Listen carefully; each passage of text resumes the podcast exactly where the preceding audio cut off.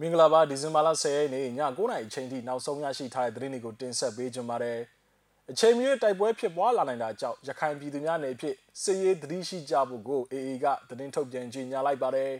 ။အာဏာသိမ်းအကြမ်းဖက်စစ်ကောင်စီခေါင်းဆောင်မင်းအောင်လှိုင်ကိုလူသားမျိုးနဲ့အပေါ်မှာကျူးလွန်တဲ့ပြစ်မှုအတွက် ICC မှာတရားစွဲဆိုလိုက်ပြီးဖြစ်တယ်လို့သိရပါတယ်။စတဲ့သတင်းအကြောင်းအရာတွေကိုသတင်းတောက်ကျွန်တော်ထွန်းထွန်းဝင်းကတင်ဆက်ပေးကြပါမယ်။ ပထမဆုံးအနေနဲ့တင်ဆက်ပေးခြင်းတဲ့သတင်းကတော့ရခိုင်ပြည်နယ်အတွင်းမှာအချိန်မရွေးတိုက်ပွဲဖြစ်ပွားလာနိုင်ခြေရှိတဲ့အခြေအနေကိုရောက်ရှိလာတဲ့အတွက်ရခိုင်ပြည်သူများနေဖြင့်စီးရေးသတိထားပြီးတော့နေထိုင်ကြဖို့ကိုရခိုင်တပ်တော် AA ကဒီကနေ့ဒီဇင်ဘာလ10ရက်နေ့ရက်စွဲဖြင့်သတင်းထုတ်ပြန်ချက်တစ်စောင်ကိုထုတ်ပြန်ကြေညာလိုက်ပါတယ်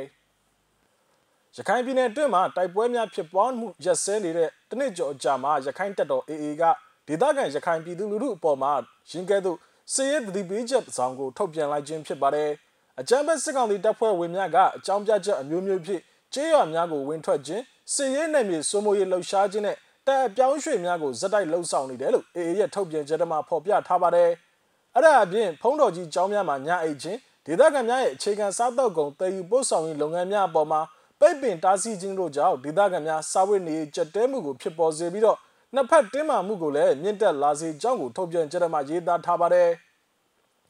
အဲ့ဒါအပြင်ဒီဇင်ဘာလ23ရက်နေ့ကကျင်းပတဲ့ပေါတော်မြို့နယ်မှာရှိတဲ့တမိုင်းဝင်ဆန်တော်ရှင်ဖျားပွဲတော်တွားရလမ်းတစ်လျှောက်မှာလမ်းပြပြင်းရေးအကြောင်းပြချက်ဖြင့်အကြမ်းဖက်စစ်ကောင်စီတပ်ဖွဲ့ဝင်များနေရာယူထားတဲ့အတွက်ချင်းချင်းစဉ်းစားပြီးမှဖျားဘူးတွားလာကြရန်ရခိုင်တပ်တော် AA ကအကြံပြုထားပါသေးတယ်ပြီးခဲ့တဲ့နိုဝင်ဘာလလဆန်းပိုင်းကလည်းမောင်တော်မြို့နယ်မှာရခိုင်တပ်တော် AA နဲ့အာနာသိန်းအကြမ်းဖက်စစ်ကောင်စီတပ်တို့ကြားမှာတိုက်ပွဲတွေနှစ်ကြိမ်ဖြစ်ပွားခဲ့ပြီးတော့တိုက်ပွဲများရက်စဲထားတဲ့တနစ်ပြည့်တဲ့အချိန်မှာလက်နက်ကြီးတံများ ပြန်လည်ထွက်ပေါ်လာခဲ့ခြင်းဖြစ်ပါတယ်။ရခိုင်ပြည်နယ်မှာပြီးခဲ့တဲ့2018ခုနှစ်ဒီဇင်ဘာလမှစတင်ပြီးတော့ AA နဲ့အကြမ်းဖက်စစ်ကောင်စီတပ်တို့ကြားမှာနှစ်နှစ်နီးပါးကြာတိုက်ပွဲများပြင်းထန်ခဲ့ပြီးတဲ့နောက်မှာတော့2020ခုနှစ်နိုဝင်ဘာလလဆန်းပိုင်းမှာတိုက်ပွဲတွေယာယီရက်စဲနေခဲ့ခြင်းဖြစ်ပါတယ်။တိုက်ပွဲတွေကြောင့်စစ်ပေးဒုက္ခသည်ဥယျာဉ်နှစ်သိန်းကျော်ရှိခဲ့ပြီးတော့အများစုမှာလက်ရှိအချိန်ထိနေရမပြန်နိုင်ကြသေးပဲဖြစ်ပါတယ်။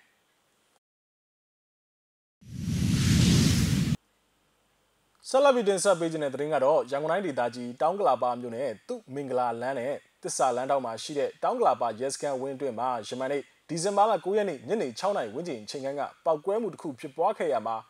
အကြမ်းဖက်စစ်ကောင်စီတပ်ဖွဲ့ဝင်ရဲဝင်နှန်းတူသေဆုံးပြီးတော့ဒဏ်ရာရရှိသူ9ဦးရှိခဲ့ကြောင်းကို၎င်းတို့နဲ့နှီးဆက်တဲ့သတင်းရင်းမြစ်များထံမှသိရပါတယ်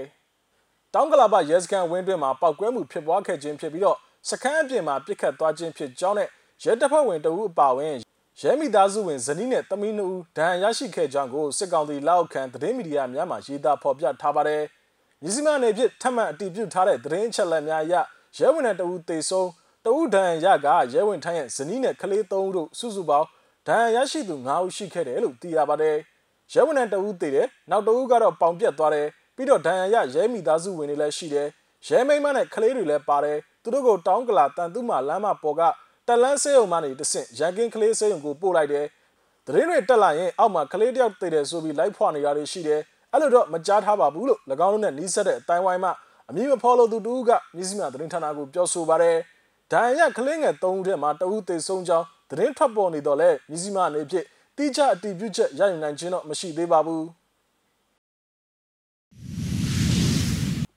နောက်ထပ်တင်ဆက်ပေးခြင်းတဲ့သတင်းကတော့မန္တလေးတိုင်းဒေသကြီးမြင်းချံမြို့နယ်ကိုင်းကျွော်နဲ့ခင်ကဲကျွော်ကြားမှာရှမနေ့ဒီဇင်ဘာလ9ရက်နေ့နေ့လယ်2နာရီမိနစ်40အချိန်ခန့်ကဆိုင်ကယ်ဖြစ်ကင်းလှည့်နေတဲ့အကြမ်းဖက်စစ်ကောင်စီတပ်ဖွဲ့ဝင်တွေကိုပရိသာမိုင်းဆွဲခဲ့ရမှာအကြမ်းဖက်စစ်ကောင်စီတပ်ဖွဲ့ဝင်၄ဦးသေဆုံးက2ဦးကခြေပြက်လက်ပြက်ဖြစ်ပြီးတော့ဒဏ်ရာပြင်းထန်စွာရရှိခဲ့ကြောင်းကိုမြင်းချံ35တပ်ဖွဲ့ခေါင်းဆောင်ဗိုလ်ဇာမဏိကမြစီမသတင်းဌာနကိုဆိုပါတယ်သူတို့ကမြစ်ကမ်းဘေးကိုခါတိုင်းညနေ6နာရီ မနက်၈နာရီကင်းလဲနေကြမနေ့ကမှနေ့လယ်ပိုင်းကင်းလဲလာတာအကြမ်းဖက်စစ်ကောင်စီ6ရက်ကိုပရိသာမိုင်း6လုံးဆွဲခဲ့တာ3လုံးပေါက်တယ်ညဘက်အဲ့ဒီနာဖြတ်သွားတော့အလောင်းတွေကိုတည်သွားတယ်လို့၎င်းကဆိုပါတယ်အဆိုပါစစ်စင်ရေးကိုမြင်းကျန်35မှာဥဆောင်ပြီးတော့မြိုင် Fighter Defense Force နဲ့ Burmese Guerrilla Force BFG တို့ပူးပေါင်းပြီးတော့တိုက်ခိုက်ခဲ့ခြင်းဖြစ်ကြောင်းသိရပါတယ်။ ထပ်မံတင်ဆက်ပေးခြင်းတဲ့သတင်းကတော့ဖေဖော်ဝါရီလ၁ရက်နေ့ဆင်နာသိမ်းမှုကိုစန့်ကျင်တဲ့ဆန္ဒပြသူများနဲ့တက်ကြွလှုပ်ရှားသူများကိုအသေးဆုံးများတဲ့ဖြိုခွင်းမှုများမှာစစ်တပ်အကြီးအကဲဖြစ်ကြီးကြပ်ကုတ်ကဲကလူသားမျိုးနွယ်အပေါ်မှာကျူးလွန်တဲ့ရာဇဝတ်မှုအတွက်မြန်မာစစ်ခေါင်းဆောင်မင်းအောင်လှိုင်ကိုနိုင်ငံတကာရာဇဝတ်မှုခုံရုံး ICC မှာတရားစွဲဆိုလိုက်ပြီးဖြစ်တယ်လို့သိရပါတယ်။တောက်ကြနေကတင်သွင်းတဲ့စွဲဆိုချက်မှာမြန်မာ Accountability Project MAP ကဒီဟိတ်မှာရှိတဲ့ ICC ခုံရုံးနေဖြစ် အရှိတောင်အာရှမြန်မာနိုင်ငံမှာဆန္ဒပြလှုပ်ရှားမှုများကိုအကြမ်းဖက်ဖြိုခွင်းခြင်းဒစိမ့်တသေးသားဖြစ်ကျေပြန့်ပြီးတော့စနစ်ကြကြညှဉ်းပန်းနှိပ်စက်မှုများကျူးလွန်ခြင်းအားရာဇဝတ်မှုအဖြစ်စုံစမ်းစစ်ဆေးရတိုက်တွန်းထားပါတယ်။ကုလသမဂ္ဂအထူးကိုယ်စားလှယ်တဦးကလည်းမြန်မာစစ်အစိုးရရဲ့သဘောထားကွဲလွဲသူများအပေါ်မှာ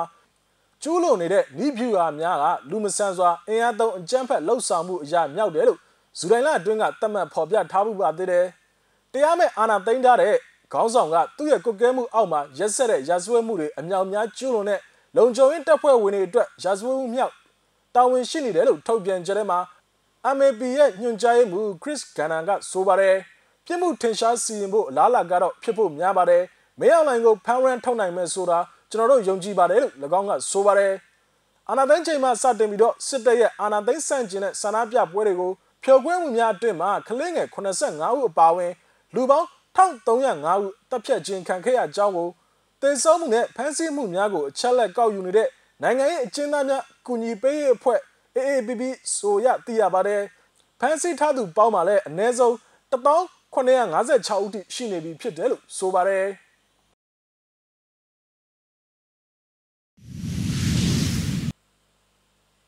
နောက်ဆုံးအနေနဲ့တင်ဆက်ပေးခြင်းတဲ့သတင်းကတော့နိုင်ငံတော်မှာအတန်တိတ်တပိတ် Silent Strike Campaign ပြုလုပ်နေတဲ့ဒီကနေ့ဒီဇင်ဘာလ10ရက်နေ့နေ့လယ်ပိုင်းချိန်ကမန္တလေးမြို့မှာအကြမ်းဖက်စစ်ကောင်စီရဲ့စစ်ကားနှစ်စီးအချင်းချင်းတိုက်ပြီးကစစ်ကားပေါ်ကစစ်သားများပြုတ်ကျကအနည်းဆုံး3ဦးအပြည့်ထန်ဒဏ်ရာရရှိခဲ့တဲ့ရုပ်သံဗီဒီယိုဖိုင်တစ်ခုကလူမှုကွန်ရက်စာမျက်နှာမှာပြန့်နှံ့လာပါတယ်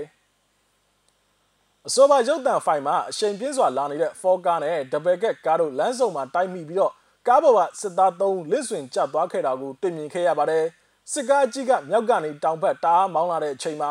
အနောက်ဘက်ကနေအရှိန်နဲ့ဆင်းလာတဲ့ကားအသိနဲ့ဝင်တိုက်မိတာပါကားအသစ်ကိုခါးလေကနေဝင်တိုက်လိုက်တော့အဲ့ဒီမှာစစ်သားတယောက်ချစ်ချင်းမဲ့လွင့်ကျသွားတယ်ကားပေါ်ကနေစစ်သား၄ယောက်ထက်မနည်းပျောက်ကျတာကိုတွေ့ရတယ်ဒဏ်ရာအတော်တော်ပြင်းထန်ရထားတာကိုတွေ့ရတယ်လို့ရင်တိုက်မှုကိုမျက်မြင်တွေ့ရှိသူတူကဆိုပါတယ်ဖြစ်စဉ်မှာ35လမ်းဂုံးကျော်တရားပေါ်မှာရှေ့ဘက်သို့ခက်ပြင်းပြင်းအရှိန်ဖြစ်ဆင်းလာတဲ့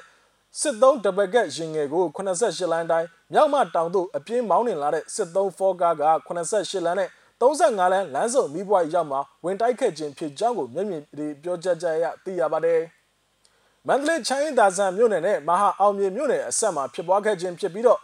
စစ်သားများထိခိုက်ဒဏ်ရာရရှိမှုနောက်ဆက်တွဲအခြေအနေကိုတော့ဆက်လက်စုံစမ်းနေဆဲပဲဖြစ်ပါတယ်။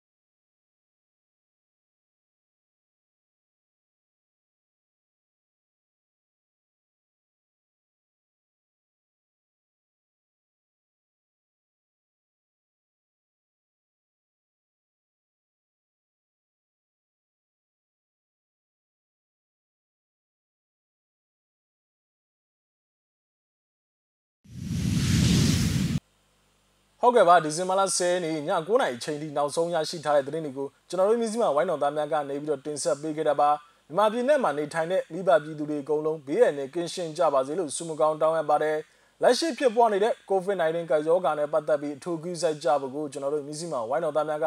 တိုက်တွန်းနှိုးဆော်ခြင်းပါတယ်နောက်ထပ်ရရှိလာမယ့်သတင်းတွေအတူတူကျွန်တော်တို့ပြန်လာခဲ့ပါမယ်